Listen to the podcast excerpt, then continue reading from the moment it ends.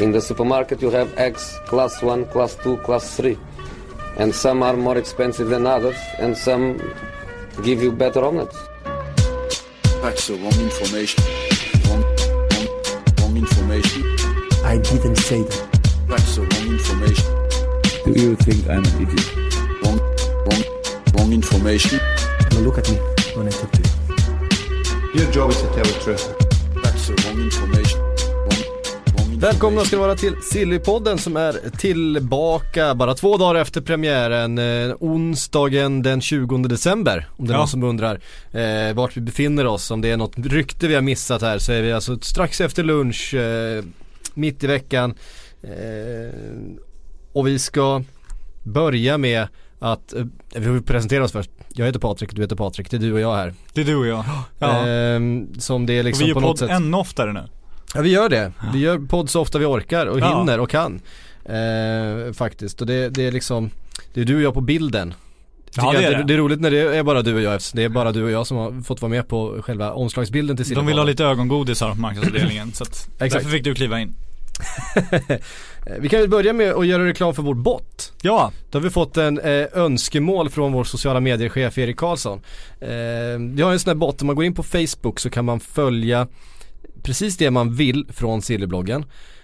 Gillar man eh, Liverpool som jag gör eller gillar man Manchester United eller Milan eller Barcelona eller Bayern München, vad man eller Zlatan Ja eller spelare som man, eh, om man vill följa dem, specifikt rykte kanske som vi kommer skriva mycket om. Ehm, Så går man bara in, skriver in precis vad det är man vill följa. Så får man liksom pushnotiser från sin Messenger-app med en länk direkt till artikeln. Det är sjukt smidigt faktiskt, jag eh, uppskattar det mycket. Så in och bara signa upp sig där. Det kostar ju förstås ingenting. Det är ju bara att följa Facebook-sidan liksom. Men det är coolt med den här botten och det funkar verkligen eh, svinbra. Så Ja. då har vi pushat för den. Så in på eh, Sportbladet, Silly Season och så skriver man som ett messenger-meddelande bara till, till, till själva oss där. Så Mm. kommer det ett svar på vad man ska göra härnäst. Mm. Man kan gå in och följa där också. Vid tillfället så ska du och jag också sätta oss och chatta med folk där tror jag. Eh, det fanns en sån, eh, i alla fall tanke från sociala medieteamet om Ja, någon som är det ska vi intresserad göra. av att och, och, och chatta lite med oss om sillefrågor eh, någon gång. Det blir kanske inte den här veckan och sen det blir nog efter juluppehållet. När fönstret öppnar någon gång tror jag att vi ska försöka få till det där kanske. Och då kan det bli, eh, kan bli roligt. Så in och eh, snacka med oss där. Hazard till Manchester United Patrik, vad eh, man blir glad Du, du skrev ju om det. Ja det är klart Så- jag skrev om det, vi har ju en blogg så att jag ska kunna skriva sånt här roligt. Mm. Men jag jämförde det också med när Sudden i Nile City kör ner sin kiwi-motorcykel i, dung, i dyngan i sitt akvarium när han ska köra enduro. Så att det var lite på den nivån vi la det där. Ja. Trots det fick jag ett argt mail från någon som hade missförstått det som att jag tro, trodde och köpte ryktet rakt av vilket roade mig något oerhört. Ja. Det tyckte jag var kul. Det är inte allt, alltid rätt att begripa vad du skriver. Men, men eh, nej, alltså det här är ju inget rykte som vi behöver ta på sådär jättestort allvar men det är kul att diskutera varför det dyker upp och vilka signaler det skickar på något sätt. Ja så är det ju. Och det, men det, det man kan konstatera är att eh, om vi pratade väldigt mycket om Grishman tidigare i veckan så känns det som om det kommer mer och mer en Hazard nu. Och han har en, en situation där han ska eventuellt skriva ett nytt kontrakt med Chelsea och eh, vill väl få en bra förhandlingssituation såklart. Samtidigt vet vi att eh, Zinedine Zidane har ju liksom inte gjort någon hemlighet om vem som varit hans kanske absoluta favoritspelare i fotbollsvärlden när han inte tvingas säga Cristiano Ronaldo av politiska skäl. Då har det ju varit eh, Hazard na- namn som nämnts gång efter annan så att om det skulle bli så att det liksom, han inte får den lön han vill ha i Chelsea så vet han ju att det finns intressenter och eh, för att få den lönen i Chelsea han vill ha så är det väl viktigt också att det finns just intressenter. Sen att, Nu kommer ju också uppgifter om att han skulle bli då den bäst betalde spelaren i hela ligan. ja, eh, Med det erbjudande som ligger nu. Jag och vet det, inte det är väl, Hur mycket mer han kan begära. nej och det är väl det, det är väl välförtjänt om man ser att, alltså Kevin Ja. De Bruyne är ju ligans bästa spelare just nu men om man ser ser betydelse för, för just Chelsea så är Hazard överlägsen just Chelsea så att, och de har ju möjlighet att betala rätt höga löner. Så det är klart att han kommer förhandla där och, men någonstans vill man väl också eh, som den silly, det silly-freakiga är så hade jag gärna sett att Eden Hazard flyttar i alla fall en gång till i sin karriär. För att, eh, jag har sett honom i Chelsea nu, jag, jag, vet hur han är i Chelsea. Det vore kul att se honom i, i ett Real Madrid till exempel för att se om han liksom kan gå, nå Guldbollen-nivåer då, för det, det, är svårt att göra i dagens Chelsea trots allt. Mm. Däremot att Chelsea skulle släppa eh, honom till Manchester United var någon som nämnde Juan Mata och Nemanja Matic, men det, eh, det var ju dels spelare de inte ansåg sig ha någon nytta av och sen om någonting så har de väl lärt sig en läxa av att de släppte Matic för att de skulle skicka iväg Eden Hazard till Manchester United. Det, det kommer ju liksom inte hända. Nej det kommer inte hända. Eh, men det är kul att, det, det är kul att de eh, spelar. Det är kul att The Sun kör, man gillar, jag vill ju, det har jag sagt förut, men jag vill ju så innerligt vara med på ett redaktionsmöte där när det liksom, när det är sådär, vad fan vi har två sidor över här, 6-7 till sporten, vad, är det någon som har något? Och så ringer, räcker någon försynt liten reporter upp handen, Eden Hazard, Manchester ja. United. Vi har inte skrivit något om eh, Hazard hittills den här vintern, det Nej, kan ju vara läge. United det brukar sälja, sälja tidningar, så mm. ja bra, men då, då gör du den artikeln. Hänvisa till källor. Det var kanske inte den eh, artikeln som har fått allra mest eh, spridning eh, den, här, eh, de här, den här veckan.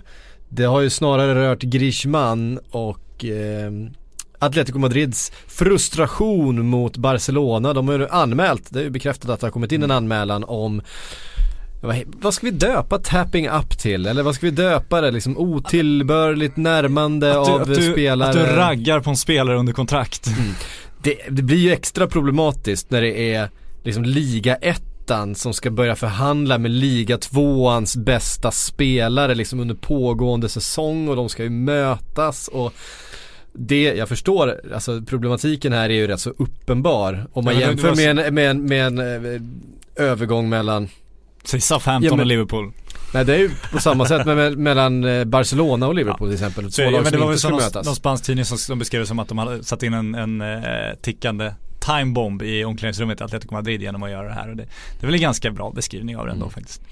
Vad kommer bli av det här då? Det är ju så att eh, Barcelona har ju redan dömts för eh, inte just det här men att man då har värvat för unga spelare och att man inte har skött sig på transfermarknaden och har ju tilldömts ett transferförbud tidigare. Det har ju spekulerats kring nu att skulle man då finnas skyldiga till eh, de här anklagelserna att man skulle då få ett nytt transferförbud och att den här gången skulle bli ännu längre med tanke på att man redan har fått det här straffet en gång tidigare. Hur stora risker ser du att det skulle kunna hända? Ja, jag ser väl det som noll egentligen. För om man ser till liksom bakgrunden till anmälan är ju den här styrelseledamoten i Barcelona har suttit på, på, sin post i en månad och gjorde en väldigt dum intervju. Men, men om man läser eh, vad den gode Amor faktiskt säger om det här så vi raljerar ju i senaste podden över att mm. det, det hanterades som en bekräftelse på att de var i kontakt med Griezmann för att han faktiskt aldrig sa det utan det han sa var att så här, det kan vara så, eh, eftersom tidningen skriver så, det kan, det kan vara så att vi är i kontakt med spelare, för det är normalt att vara i kontakt med spelare. Det kan mm. vara så att det har skett. Så han har aldrig sagt det liksom bekräftat det per, liksom, i en juridisk mening som ju är det som krävs om du ska få fälla dem i en domstol. Och då är det så, ja, och vilka skulle kunna bevisa att Grishmans föräldrar då ätit middag tillsammans med Barcelonas president, vilket är det som påstås då. Ja, det är antingen FC Barcelona eller så är det ju Antoine Grishman. Och vem av dem har ett intresse av att FC Barcelona ska få ett transferstopp? Oavsett om Griezmann ska till Barcelona eller inte så har han ju inget intresse av att ta bort den liksom förhandlingspusselbiten när han trots allt ska lämna Atletico tillsammans, vilket vi räknar med att han gör. Så alla som har bevis har ju noll intresse av att det ska komma ut och det finns inget, anmälan är baserad på någonting som inte ens är liksom konkret. Så det, det kommer ju inte hända någonting av det här. Det är ju liksom, det är taktik för att få dem att, att skita i Griezmann. Mm. Eh, och det, det, är väl eh, så Atletico ska jobba just nu. Mm. Sen vi liksom... Och sp spinnet blir ju också då att, ja, men nu skulle Atletico i så fall öppna för att släppa Griezmann till Manchester United istället ja. då. Eh. Och det är klart att Atletico hellre vill att Griezmann går till Manchester ja. United än till Barcelona, så är det ju självklart. Men, men det, det, när han stannade förra sommaren så skaffade han sig trots allt så mycket liksom kärlekskapital där så att jag mm. tror att han har rätt att välja sin klubb. Om han då går till klubbledningen och säger men jag hade Manchester United förra sommaren, jag stannade för er skull för att ni inte kunde ersätta mig. Mm. Ni lovade att jag skulle få gå nu, jag vill till FC Barcelona, det är det enda jag vill. Då kan de inte stoppa honom. Nej, och det kommer de inte göra heller och Nej. så kommer det väl bli. Eh, just nu känns det så. Känns det som just nu, ja precis. Och man, om någonting så kan man väl se hela den anmälan på en bekräftelse på att det faktiskt är på gång. Mm. En deal som verkar vara ganska nära förestående är den mellan PSG och Valencia eh, angående Guedes som då har varit utlånad till Valencia och som ska köpas loss och man har förhandlat om en eh, prissumma som landar på 35 miljoner euro. Ja, och det är ganska lågt. Nu låter det helt galet att säga så, men när Barcelona köpte Guedes, eh, det var från Benfica han kom, så kostade han 30 miljoner euro förra vintern, det är ett år sedan. Så de gör en vinst på, på 50 miljoner kronor då. PSG, nu Ja, PSG. Barcelona. Ja, förlåt. Eh, PSG. Mm. Helt fast i Barcelona. eh, så på så sätt gör de en, en ganska stadig vinst på en spelare de inte använt på, på bara ett år. Samtidigt har vi sett hur marknaden utvecklats och det här är alltså en 21-årig kille som var en av Europas mest aktade talanger för inte så länge sedan eh, och nu gjort succé för Valencia i La Mm. Liga. Bevisat att han verkligen håller på den nivån. Du har en 21-åring som alltså bevisat att han kan etablera sig på, på toppnivå i La Liga. Och ändå kostar han bara 350 miljoner kronor. Det är ju extremt lågt för den typen av spelare. Han ska ju kosta en halv miljard snarare om man ser det så. Framförallt om man tillhör en klubb som PSG som ju Svår, alltså det är svårt för PSG att förhandla när man sitter på den sidan av bordet och ska sälja.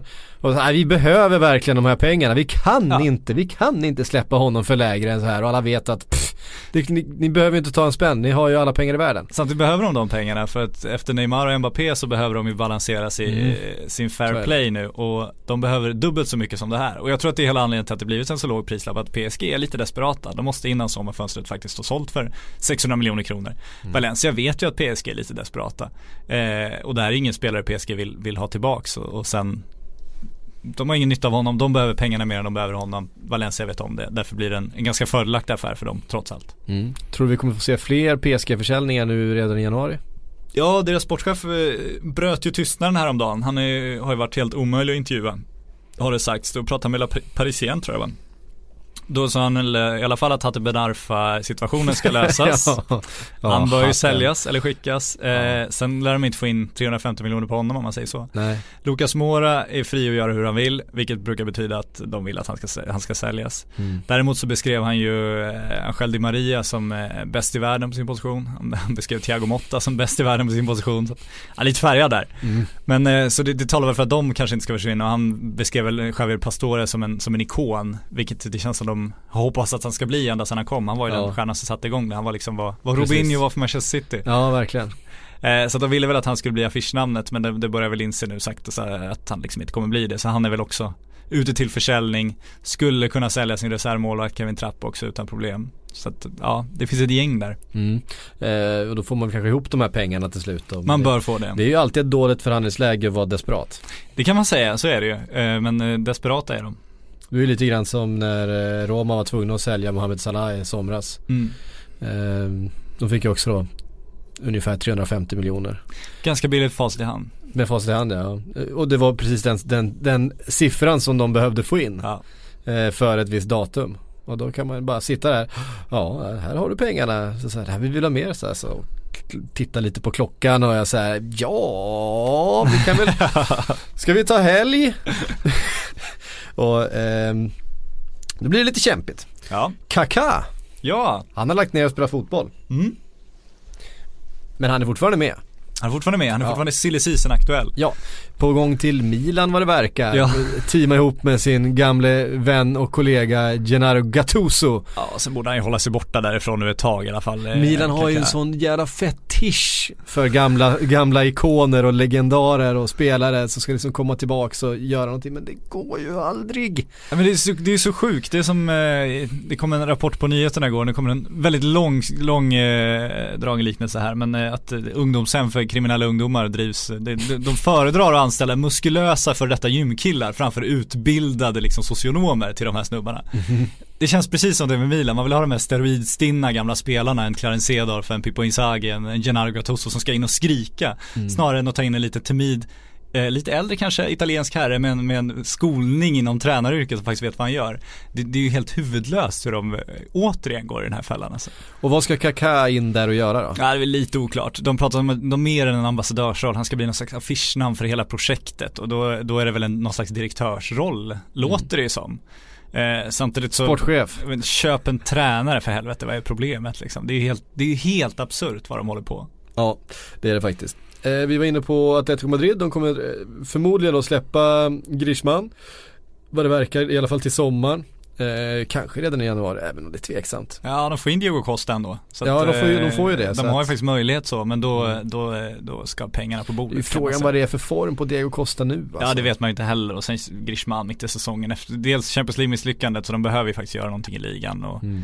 ja nej det, då får ju någon betala rejält alltså. Ja, verkligen. Ehm, klart är väl i alla fall att Gaitan lämnar eh, vänsterytten som eh, kom bara för något år sedan väl från Portugal. Ja, Ehm. var en väldigt aktad spelare. Ja precis. Eh, kom för ganska mycket pengar. Har inte lyckats göra något avtryck alls i Atletico Madrid. Och har nu fått beskedet att eh, ja, han kommer inte vara kvar. Oklart vart han hamnar. Men det finns väl såklart eh, intresse för en sån spelare. Men eh, enda som har kommunicerat sig att han, att, han, att han kommer lämna. Så ni kan väl lansera, skicka till oss förslag på vart eh, Gaitan ska.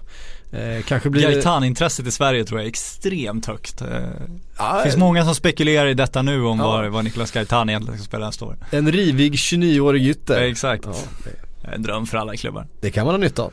Nej. Eh, Gudetti Patrik. Ja, Eh, vi, har fått, vi har fått en fråga här om, om eh, svenskar som behöver speltid för att kunna ta sig till ett VM och sådär. Och det känns väl som att Gudetti är väl kanske den i första hand som man tänker på då. och han är väl den i första hand som har status nog att kunna faktiskt välja lite hur han vill göra där. Mm. Nu är det väl Levante som verkar vara hetast. De har väl gjort honom till första valet. Mm. Eh, och det känns väl väldigt små. Han har ju etablerat sig i La Liga. Man, ska, man kan liksom, det finns de som raljerar över att John Guidetti sitter på bänken i Celta Vigo och inte gör något, något större avtryck där. Men de har ju en fantastisk anfallsuppsättning i Celta Vigo. Är det något de har så, så är det ju anfallare. Så han har haft det tufft.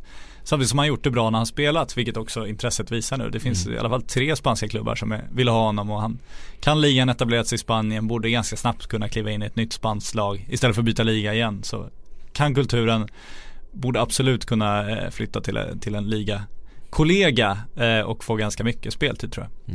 Men räcker det för att han ska ta sig in i en eh, VM-11? Inte en elva, absolut inte. Eh, det tror jag inte. Men det är ju den där sista anfallsplatsen, så länge Zlatan inte kommer tillbaks då, då suddas ju den ut. Men det är väl Kiese eller Guidetti just nu. Mikael Ishak Mm. gör ju succé i Zweite Bundesliga, blev väl utsedd till höstens bästa anfallare där men han har inte riktigt varit aktuell för landslaget. Nej. Jan Andersson är svag för Kiese ändå. Eh, vill ju ha De känner ju varann. Ja, och vill ju ha den typen av spelare som liksom kan ersätta eh, Toivonen där på det sättet också. Så Mm. att, ja, vi får se. Ja, det får vi verkligen. Levante känns väl ändå som att det skulle kunna hända. Ja, det tror jag. Det måste väl vara beredda att släppa också. Gudetti också för, för rätt peng. Ja, det är klart de är det. Och han, har, han var ju väldigt tydlig i sista landslagssamlingen eh, inför Italien där. När alla andra bara ville prata om Italien-matchen så märkte man att han var lite, han var, han var förberedd när han klev ut i pressen och sa att det här är en, det är en ohållbar situation var väl det, mer eller mindre det han sa. Eh, höll ett ganska långt anförande om att det, det här, att han tröttnat nu, att det här inte fungerar. Och det förstår man ju och det förstår ju klubben också. Så att, nej, han har nog goda möjligheter att flytta, han har nog goda möjligheter att lyckas och han har nog goda möjligheter att komma med i en VM-trupp. Jag tror faktiskt han är viktig för för nu ska vi inte prata för mycket om den här lagstämningen och Zlatan kan, kan liksom förstöra kulturen i landslaget och sådär men har man följt dem med Zlatan och utan Zlatan så är det en gigantisk skillnad på hur spelarna uppför sig både på och utanför planen. Alltså de här Micke Lustig-dansen, hade den skett med Zlatan i truppen? Tveksamt. Och det känns som det dras lite åt vad u var när de tog guld och då var det ju verkligen John Guidetti som satte hela stämningen. Liksom. Det, var en- ett ganska, ganska sömnig start på det mästerskapet tills Guidetti helt plötsligt sitter vid en vägkant och vår fotograf Montessori filmar honom och han liksom kör den här inofficiella EM-låten, bara sitter och rappar den liksom hela, hela vägen med hela sitt crew runt sig då med de andra spelarna. Satte någon slags ribban för, för hur de skulle uppföra sig då och de blev ju helt, det, det, liksom, det blev någon slags kollektiv psykos där. Och det känns som man sätter en, en väldigt avslappnad stämning och får, får alla att dra åt samma håll på ett ganska imponerande sätt. Och jag tror, vild spekulation, men att eh, han faktiskt har en ganska stor del av den nya kulturen i A-landslaget där det är väldigt mycket mer lättsamt ju. Just det där klippet eh, hade ju dragit ner prislappen om jag hade suttit som eh, Det är otroligt starkt det klippet. ja, jag, har, Otroligt starkt. jag, har så, jag, är inte, jag, är inte, jag är inte där. Jag är för gammal tror jag. ruskigt svag för Guidetti. Om man jämför med eh, Mandelmansparet som jag såg första gången på tv igår. Det är det mest överspelade, regisserade, bara forcerade uppträdandet jag någonsin sett i mitt liv. Så, så bottnar ju Guidetti i det han gör ändå. Det är ju John Guidetti som gör så. Alla vet ju det. Jag, jag, har noterat det här Mandelmann, jag har aldrig eh, sett det. Ja det gjorde ont. Alltså det gjorde, jag, som min fru sa, jag vill klösa ut mina ögon nu sa hon efter fem minuter. Ja, Det var på den nivån. fan. Ja, Ja, det var det sjukt känns- Och de är, de är typ Sveriges mest hyllade tv-personligheter. Det är helt, alltså det är så öv, det är så regisserat, det är så genomtänkt och de drar in så mycket pengar nu på att folk bara vallfärdar till deras gård. Och alla bara sväljer det. Det gör mig så konfunderad. Vann inte de skitmycket kristaller också? Ja det var årets tv-personlighet och det var allt möjligt alltså. Äh, Det var så jäkla konstigt. Obegripligt. Hördu, jag tänker faktiskt damma av en, eh, en gammal Sillypodden eh, vignett. Ja, eller det här har jag vignetter. förvarnat jag, jag, jag vet inte ens om jag, kom, jag kommer hitta vignetten eller om jag hittar på någon ny eller om vi bara skiter i att spela en vignett. Men eh, här kommer i alla fall scoutingrapporten.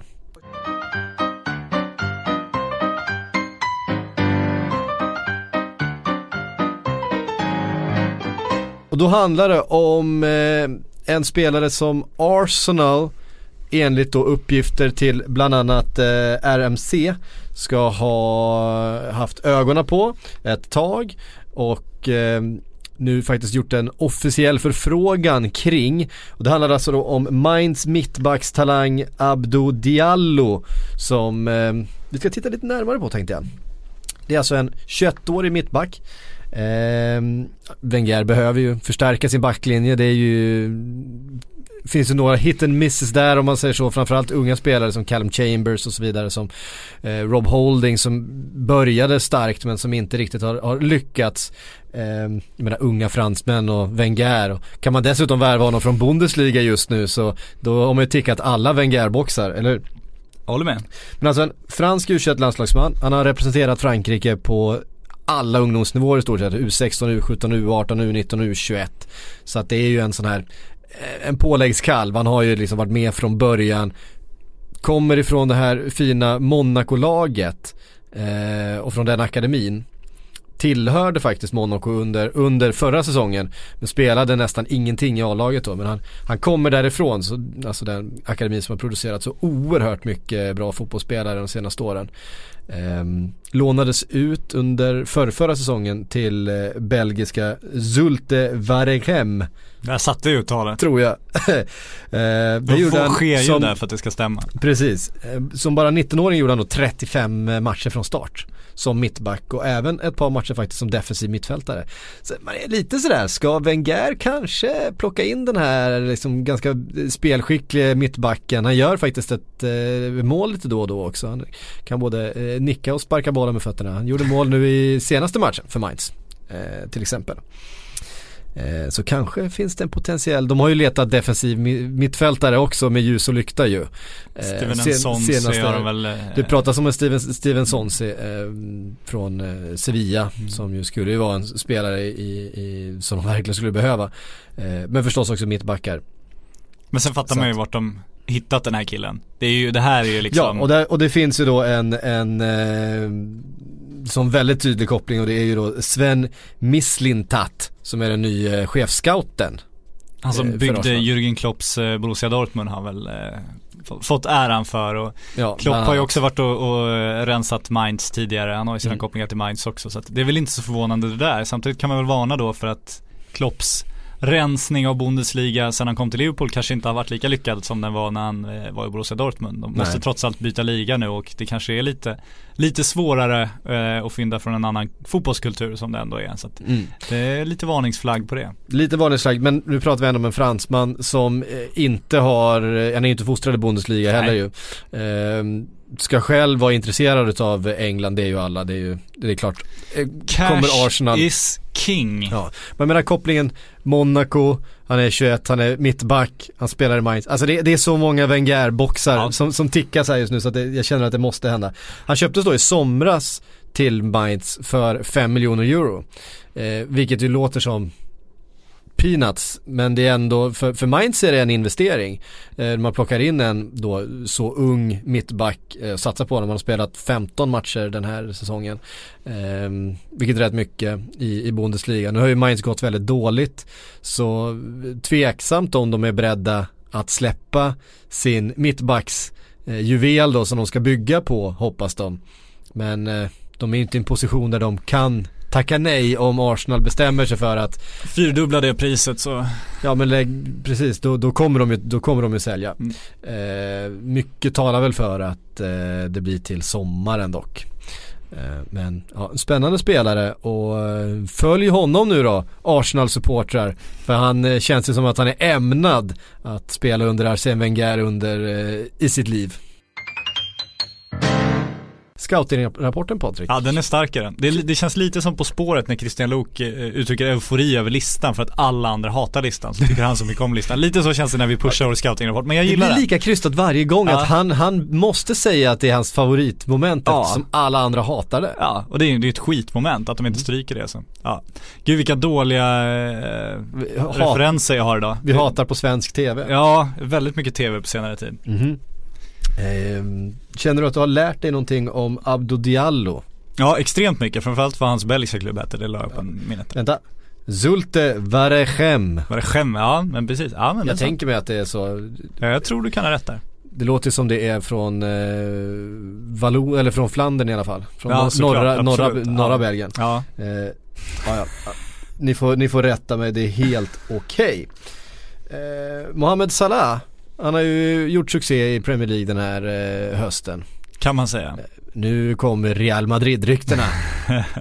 Vet vad det står där. Vi kan ju ta upp den här bara för att vi tar upp Hazard till United för att det ligger väl på ungefär, ungefär samma nivå.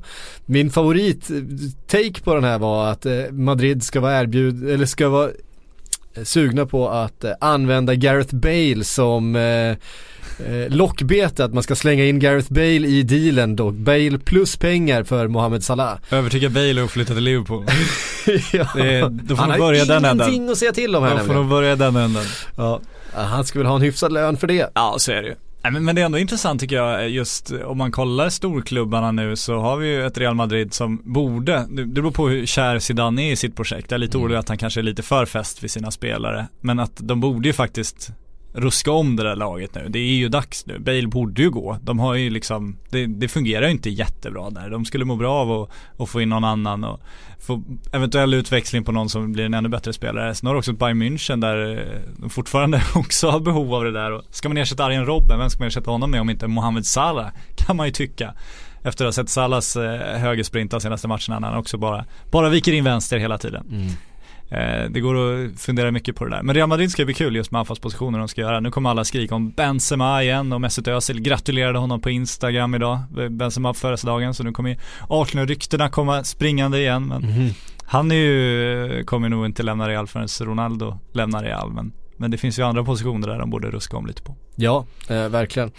Um, Mesut Özil förresten. Verkar i alla fall eh, vara nära att skriva på nytt kontrakt för Arsenal. Verkar, vad, vad bygger du det på nu? Nej, rykten. Ja okej, ja där är jag inte lika övertygad som du är men vi får se.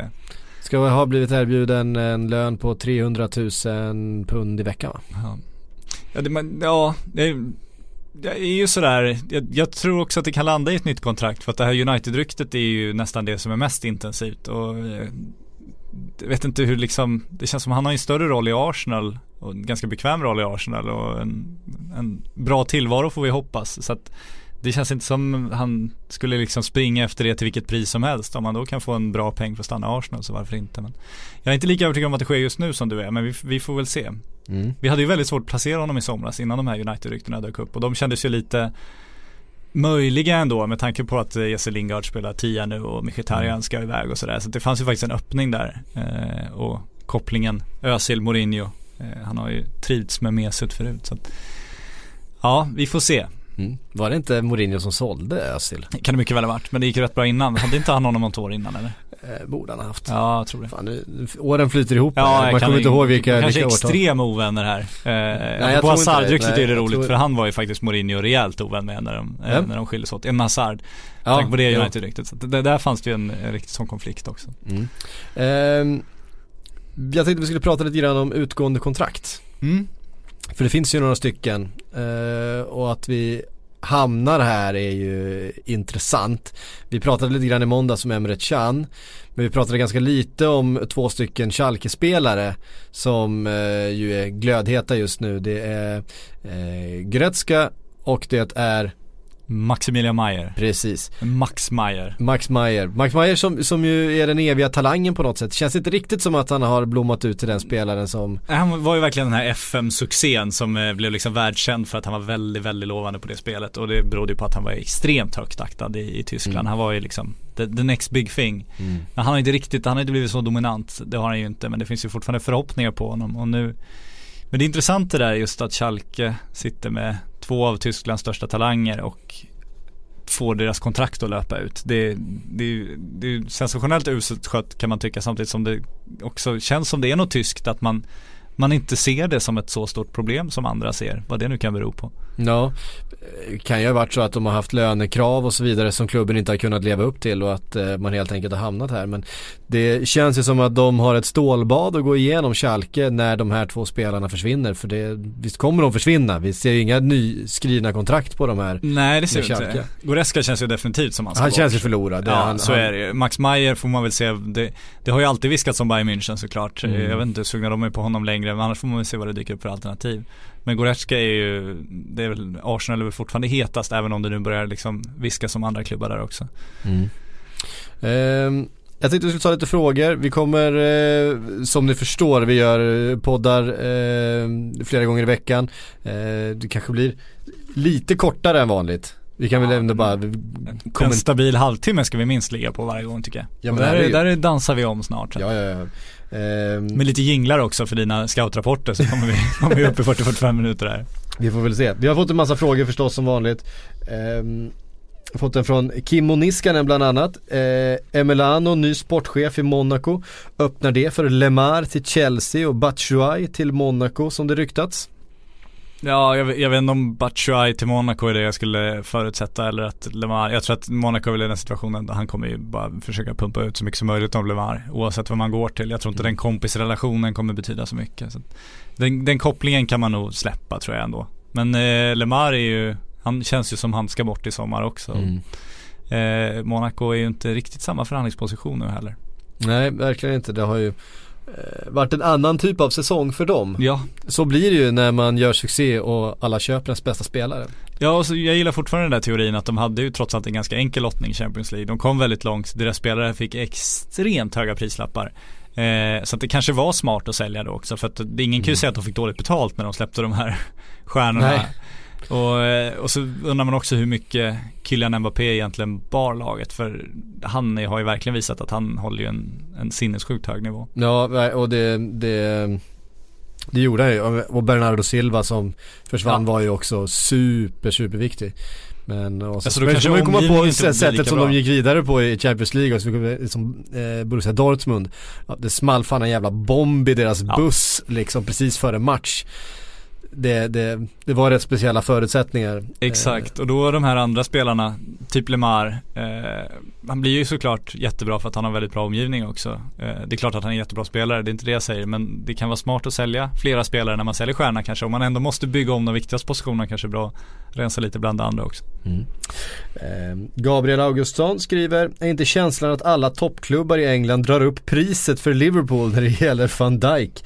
När alla vet att klubben känner sig skyldig honom något. Ehm, ja, alltså det är ju att vara lite konspiratorisk för jag Jag tror, gillar det. för jag tror verkligen att, att det finns fler klubbar än Liverpool som är intresserade av honom. Och det här med att han har spelat dåligt i höst och att det skulle påverka hans prislapp. Alltså även Southampton vet ju att han har inte blivit en dålig fotbollsspelare för att han har känt sig lite omotiverad. Han har dessutom inget VM eh, att spela för. Ehm, så att han har ju inte liksom haft det behovet heller av att leverera så mycket som det bara går. Nej, och alltså priset avgörs ju av hur många intressenter du har och vad de är beredda att betala. Egentligen inte av så mycket hur bra fotbollsspelare du är om man ska Nej. vara riktigt krass. Så. Det är ju tillgång och efterfrågan. Ja, som och det är på allting annat. finns det ju eh, gott om både det ena och det andra. Så att det där kommer ju, det, det kommer kosta. Det är ju de där 700 miljoner eh, kronorna som det pratades om i somras. Jag tror inte det blir mindre om han går nu i januari. Nej, inte i januari tror inte jag heller. Sen får man se i sommar just eh, hur många som är intresserade då. Eh, om det är samma tryck då kommer det ju bli så mycket. Om det är lite sämre tryck så tror jag ju här också att de har lovat honom att han ska få flytta då. Och då, då blir det ju en sämre förhandlingsposition direkt. Men ja, vi får se. Men eh, City, Liverpool, vad har vi mer? Arsenal behöver en mittback. Arsenal behöver Newcastle ska ju ha David Luiz, bara en sån sak. Ja, vi tar den. Ja, det måste in. Ja, den måste in. Alltså, Jag älskar ryktet. ser du David Lewis i eh, Newcastle? Jag vill se alla eh, excentriska utsvävande fotbollsspelare i Newcastle men nej det gör jag inte. Hatem. Hatten ska, alltså han var i Newcastle. Ja, det är liksom Lee Boyer, Hatten, Joey Barton, det är den typen av spelare som ska vara där. Andy Carroll till viss del, absolut, in med honom. Nej men jag, alltså jag Hatten måste ju tillbaks nu. Ja, ja herregud, in med honom för fan. Jönsson kommer ju, han kommer ju få fullständigt spelet Ja. om, om Hatten kommer. ja men hela ledningen är ju borta, det är en ny klubb. Mm. Hatten skulle trivas. Ja. Eh, jag tror att de har annat att fundera på. Ja, just nu har de väl just det. Newcastle de här närmsta dagarna. Eh, jag har fått en fråga från eh, Vils Andi. Generell svensk koll, de som behöver speltid för att ens vara påtänkta till VM. Vi har nämnt Gudetti. Mm. Vilka finns, vi har pratat om en Hiljemark till exempel. Ja, De spelar ju Panathinaikos men det är ju kaos Mm. där. Hiljemark Niklas Hult skulle väl kanske behöva en nytändning för att flytta fram positionerna. Eh, Kiese får ju spela nu. Ola Toivonen finns det ju en osäkerhet kring såklart. Mm. Eh, Marcus Berg spelar ju lite mittback i senaste matchen. Eh, han är ju självskriven i VM-truppen men man blir ju lite fundersam kring liksom vilken nivå den ligan håller där borta och vad det är som Mm. pågår där egentligen. Gjorde ett snyggt självmål när han var mittback också. Väldigt snyggt. Han hittar nätet i alla Ja, fall. han hittade nätet, gjorde Mm. han.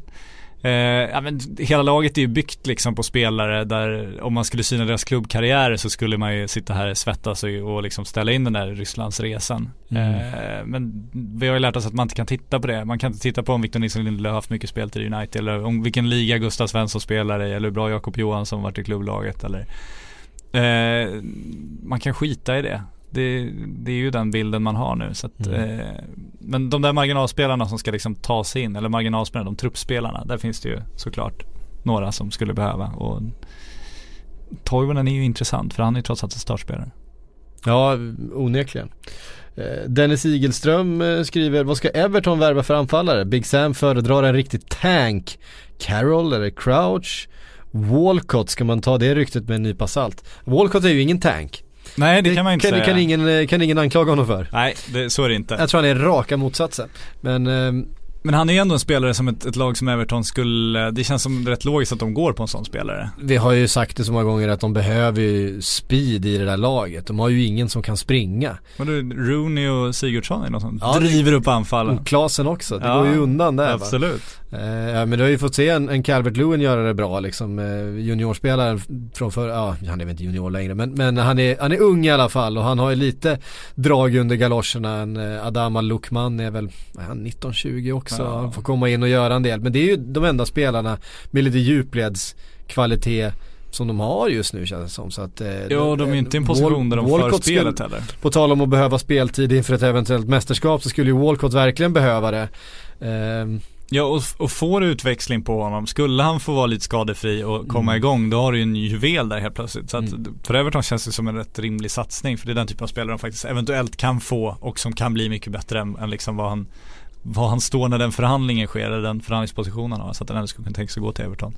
Så nej, speed hade varit bra. Men en center förstås, de tappade ju Lukaku och har ju inte ersatt honom. De var ju sugna på Giroud. Ja, de kom ganska långt med Giro också. Ja, nu gick Giroud sönder igår. Ja, Han drog baksida lår och det såg faktiskt ganska, det såg faktiskt ganska allvarligt ut. Det var inte så att han liksom började halta till och klev av utan han la sig direkt. Men så det, det här var någonting som gick sönder så han skulle kunna vara borta ett par tre månader faktiskt om det vill sig riktigt illa. Ja, samtidigt som hans agent fortfarande är ute och fiskar eh, rejält efter att att få Arsene Wenger att omvärdera den här situationen att han inte vill sälja Giro. Men om Giro skulle vara skadad i två månader kanske det Mm. kanske kan gynna en klubbflytt ännu mer för då kanske Wenger har dubbla skäl och faktiskt försöka ersätta honom. Mm. Eh, ren spekulation såklart. Eh, och jag tror fortfarande att eh, skulle han ringa Everton så kommer, kommer Everton skicka bilen med en gång. Det tror jag inte är några problem så. Nej, och sen, vi vet ju inte omfattningen på just den här eh, muskelbristningen heller. Det är ju så med hamstring att det, det, det beror ju på hur allvarlig den är för att se hur lång tid det tar. Men det, det Det är kan hans sätt att strejka det här bara Det måste du måste se igenom det. Han, han la sig. Johan Nyblom vill att vi ska prata om Dybala Ja. och eh, Manchester United. Och det, det är ju ett rykte som dyker upp då och då. Mest känns det som för att folk vill se Dybala i Premier League och ser en position i Manchester United där han skulle gå rakt in. Och det är ju klart att tar man det laget och så byter du ut en Jesse Lingard och stoppar in Dybala så är det klart att du får ett ganska mycket bättre lag. Så är det ju och det finns ju en, en diskussion kring Dybala nu i Juventus eftersom han inte fått spela jättemycket på sista tiden. Det, det har ju spekulerats i italiensk press att han, eh, att han liksom uppträtt oprofessionellt och kanske inte skött sin träning samtidigt som det andra har hävdat att det snarare är så att eh, han liksom har, har blivit lite överambitiös. Att han är extremt professionell och sköter sin träning till, till punkt och pricka men att han, han har försökt axla en lite för stor roll, att det liksom låst sig för honom i Juventus. Sen har det diskuterats alla möjliga saker om agenter och brorsor och allt möjligt. De är ju bra på konspirationsteorier i Italien. Men eh, det, där har ju ändå fött en osäkerhet eh, som man dock inte ska, ska övervärdera tror jag. Jag tror inte att han är så desperat att han ska bort från Juventus i januari. Jag tror inte Juventus är särskilt sugna på att sälja honom heller. Utan jag tror det krävs att ett Real eller Barca dansar in för att eh, han ska flytta på sig. Jag har svårt att se att han Vad har han för agent? jag vet inte om han har familjehjälp också. Det, är ju det är ingen Raiola-spelare. liksom. Nej precis. Varit spekulationer om att Raiola ska bli hans agent faktiskt, det var lite roligt. Men eh, Raiola har eh, dementerat det. Ja, Han har sin br- bror som agent. ja okej. Eh, en sån. En sån ja, exakt. De har vi Mm. pratat om. Det, det, det missar vi ju faktiskt Ronaldinhos brorsa som ju är den ultimata eh, agenten, Assis eller vad han heter. Eh, han har han, inte nog med att han liksom var agent åt Ronaldinho under hela karriären och åkte med och liksom var med på de här klubbäventyren och, och sådär. Eh, och då menar jag klubbar med dubbel betydelse. Eh, han åker ju fortfarande med Ronaldinho över världen. Så när han åker liksom och uppvisningsspelar i Indien, vem är med på flyget, vem är med på festerna, vem är med Fan vad överallt? kul de lär ha, är med, alltså. ja det där var jävligt trevligt. Ja. Nej mycket, mycket, mycket dans. Mycket dans, mycket dricka, Ja. Ja det är mycket damer, Ja. mycket det. Mycket det. Eh, Ted Ström vill att vi ska surra kring Tottenham. Behöver det hända något på spelarfronten eller behöver spelarna bara ta sig lite i kragen? Vad tror ni om en eh, Federico Chiesa eller räcker det med Llorente och sånt som backup för Kane? Det känns som att de behöver jag tycker fortfarande det känns som att eh, Tottenham behöver, precis som Everton faktiskt, de behöver en djupledslöpare. De hade behövt köpa Ja nu ska de inte köpa Theo Walcott. Theo Walcott kanske. Det, här, eh, det hade inte sett så bra ut. Ja vadå? Ehm, In med Fio för fan. hade vi sett Hur lång tid innan ni, ni var en Walcott-tröja då?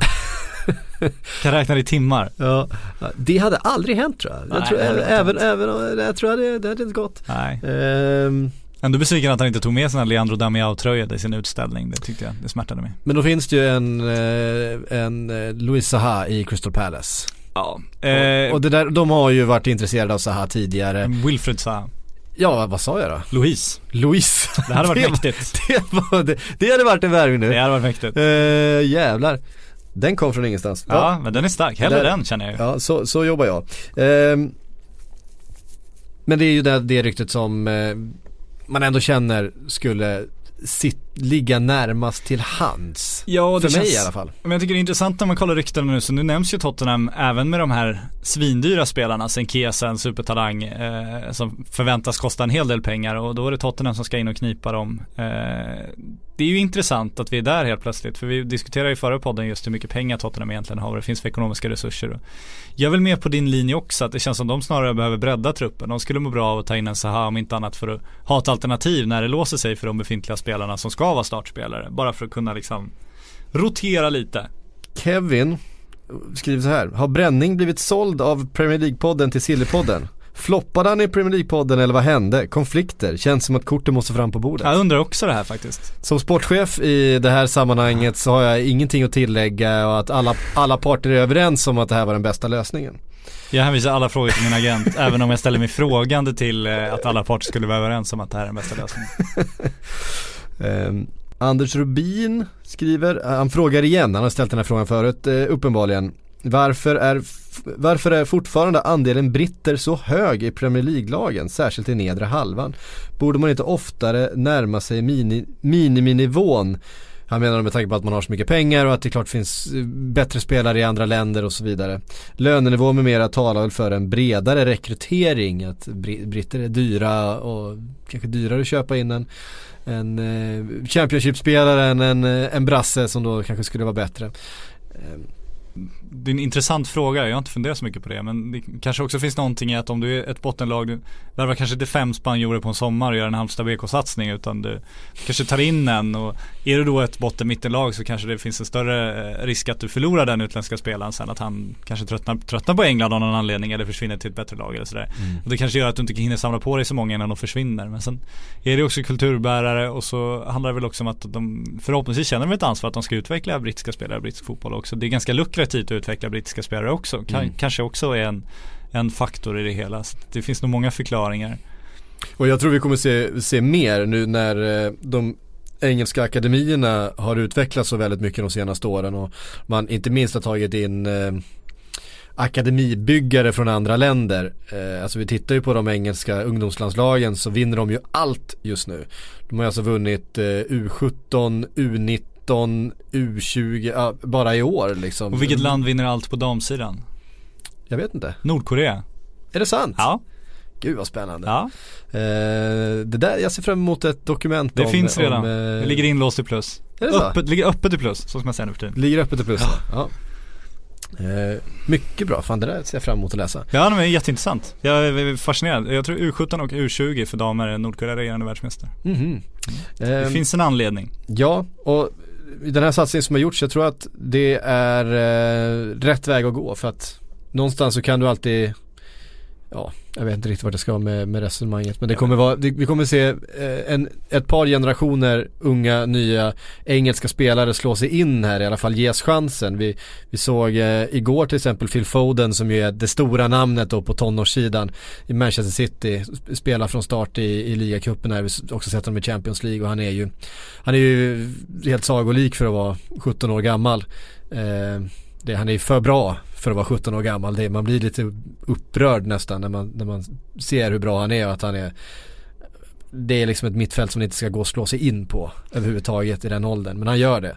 Ehm, och Ja, men, och det kommer också just akademier, det- det finns eh, en hel City-dokumentation just nu om hur hur de har byggt upp sin klubb och vad deras väg är framåt. Och de har liksom en uttalad strategi då att det går inte att köpa spelare på den här marknaden längre. Det, det, det handlar om att utveckla spelare och för dem handlar det inte bara om britter om man säger så. De har ju farmaklubbar nu i på nästan varje kontinent eller mål att de ska ha det och eh, då handlar det om att fånga upp liksom talanger. Sydamerikas bästa ungdomar ska hamna i deras lag i, i Uruguay som heter Torki och eh, i Australien har de ju ett lag i Melbourne och sådär. De ska liksom samla varje kontinents bästa spelare och sen slussa de bästa då via de här lagen till England. Och det börjar väl någonstans med britterna då, att det är de de hunnit samla på sig än så länge. Eh, så att det finns ett större talangfokus nu mot kanske när, när vi såg två engelska topplag mötas med, med två engelska spelare på, på, på planen som mest liksom.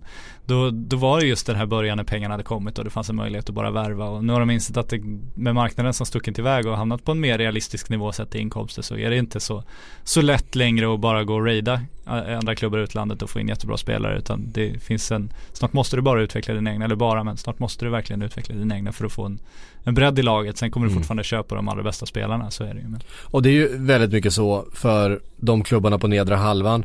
De lever ju också i en ekonomisk verklighet där de faktiskt måste ta lite höjd för att de kan åka ur Premier League och det är helt andra pengar i ett Championship. Så är det. Så du behöver ha den där, ska man säga, kärnan med spelare som du vet du kommer kunna ta med dig ner och som kommer kunna följa med dig upp och som kommer ligga där någonstans. Så får du krydda med, med lite brasiliansk eh, liksom eh, eh, finlir eh, när du väl går upp till Premier League och då får du köpa en premiumspelare eller två eller tre. Eh, kanske om du har eh, generösa ägare och Och sen, sen- så får du göra den satsningen och sen när du åker ner nästa gång då kommer de förstås försvinna. Om du inte är Newcastle. Men sen har ju liksom säljande klubbar också förstått att när, när Premier League, en Premier League bottenlag ringer och har tio gånger så mycket pengar som det tyska laget som ringer om Mm. samma spelare, då får de också betala tio gånger så mycket för den spelaren. Så att på så sätt är ju inte så mycket pengar kvar där när de är klara med sina affärer ändå. Nej, så är det. Hörru det var faktiskt allt vi hade den här onsdagen. Vi eh, är tillbaks snart igen, Ja. så säger vi. För så jobbar vi nu den här vintern. Eh, puss och kram på er så eh, som sagt, kolla botten, följ bloggen och så vidare. Vi lägger ut allting där. Eh, följ oss i sociala medier så kommer ni alltid ha koll på när vi skriver något och när vi gör något. Bra, hej på er. Är.